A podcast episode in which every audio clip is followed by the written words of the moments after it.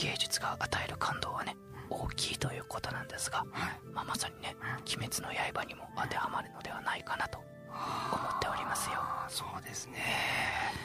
まあそう考えるとね、はい。あの本当にいろんなアニメ作品だったりとかね、ええまあアニメ作品に限らず、はい。まあ、ゲームとか、はい。まあ我々がいろいろ関わってるね、はい。えーものだけではないですけれども、ええ。ええ。いやー感動する作品って結構多いですよね。最近か。そうですね。もうねずっと言ってるんですけど。ね、え。えサマーウォーズ。え サマーウォーズ。サマーウォーズですね。王道ですね。そうですね。あとはまああの何っていうことではないんですけどこの間、えーとあるねはい。アプリの収録をしてて、はい。自分の言ってるセリフと、はい。えー他の人のセリフをねはい。あの脳内でこう変換しながらはい。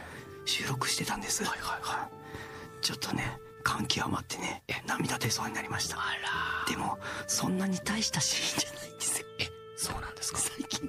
涙もろくなっちゃって。あらまあ。想像だけでこれはちょっともうね。これはね年です。いいですよ。またこう新しいね表現がこう生まれてくるわけですからね。そうですはい。なんかありますか？スラムダンクですね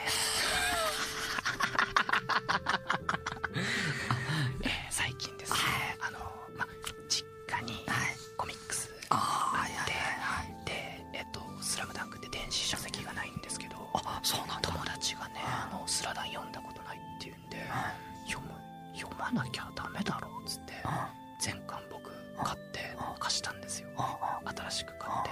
そしたらめちゃくちゃハマってあよかったっつってで帰ってきたから読んだらボロ泣きですよね。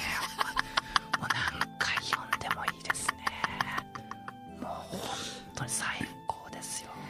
やっぱりねなんかその感動する作品って何度読んでも感動できるんだなっていそううねなのよ。まあでもそれ言うと本当に「鬼滅の刃」すごいよね。いやすごいよ。もう鬼滅鬼滅もねだからその劇場版の収録にこう向けてその無限列車編をねこう読むわけですよ。はいこういつかなはい。こうみたいな感じで。そしてやっぱもう何回も読んでるはずなのにえーでもこうねかまあ心動かされるというかそうですね。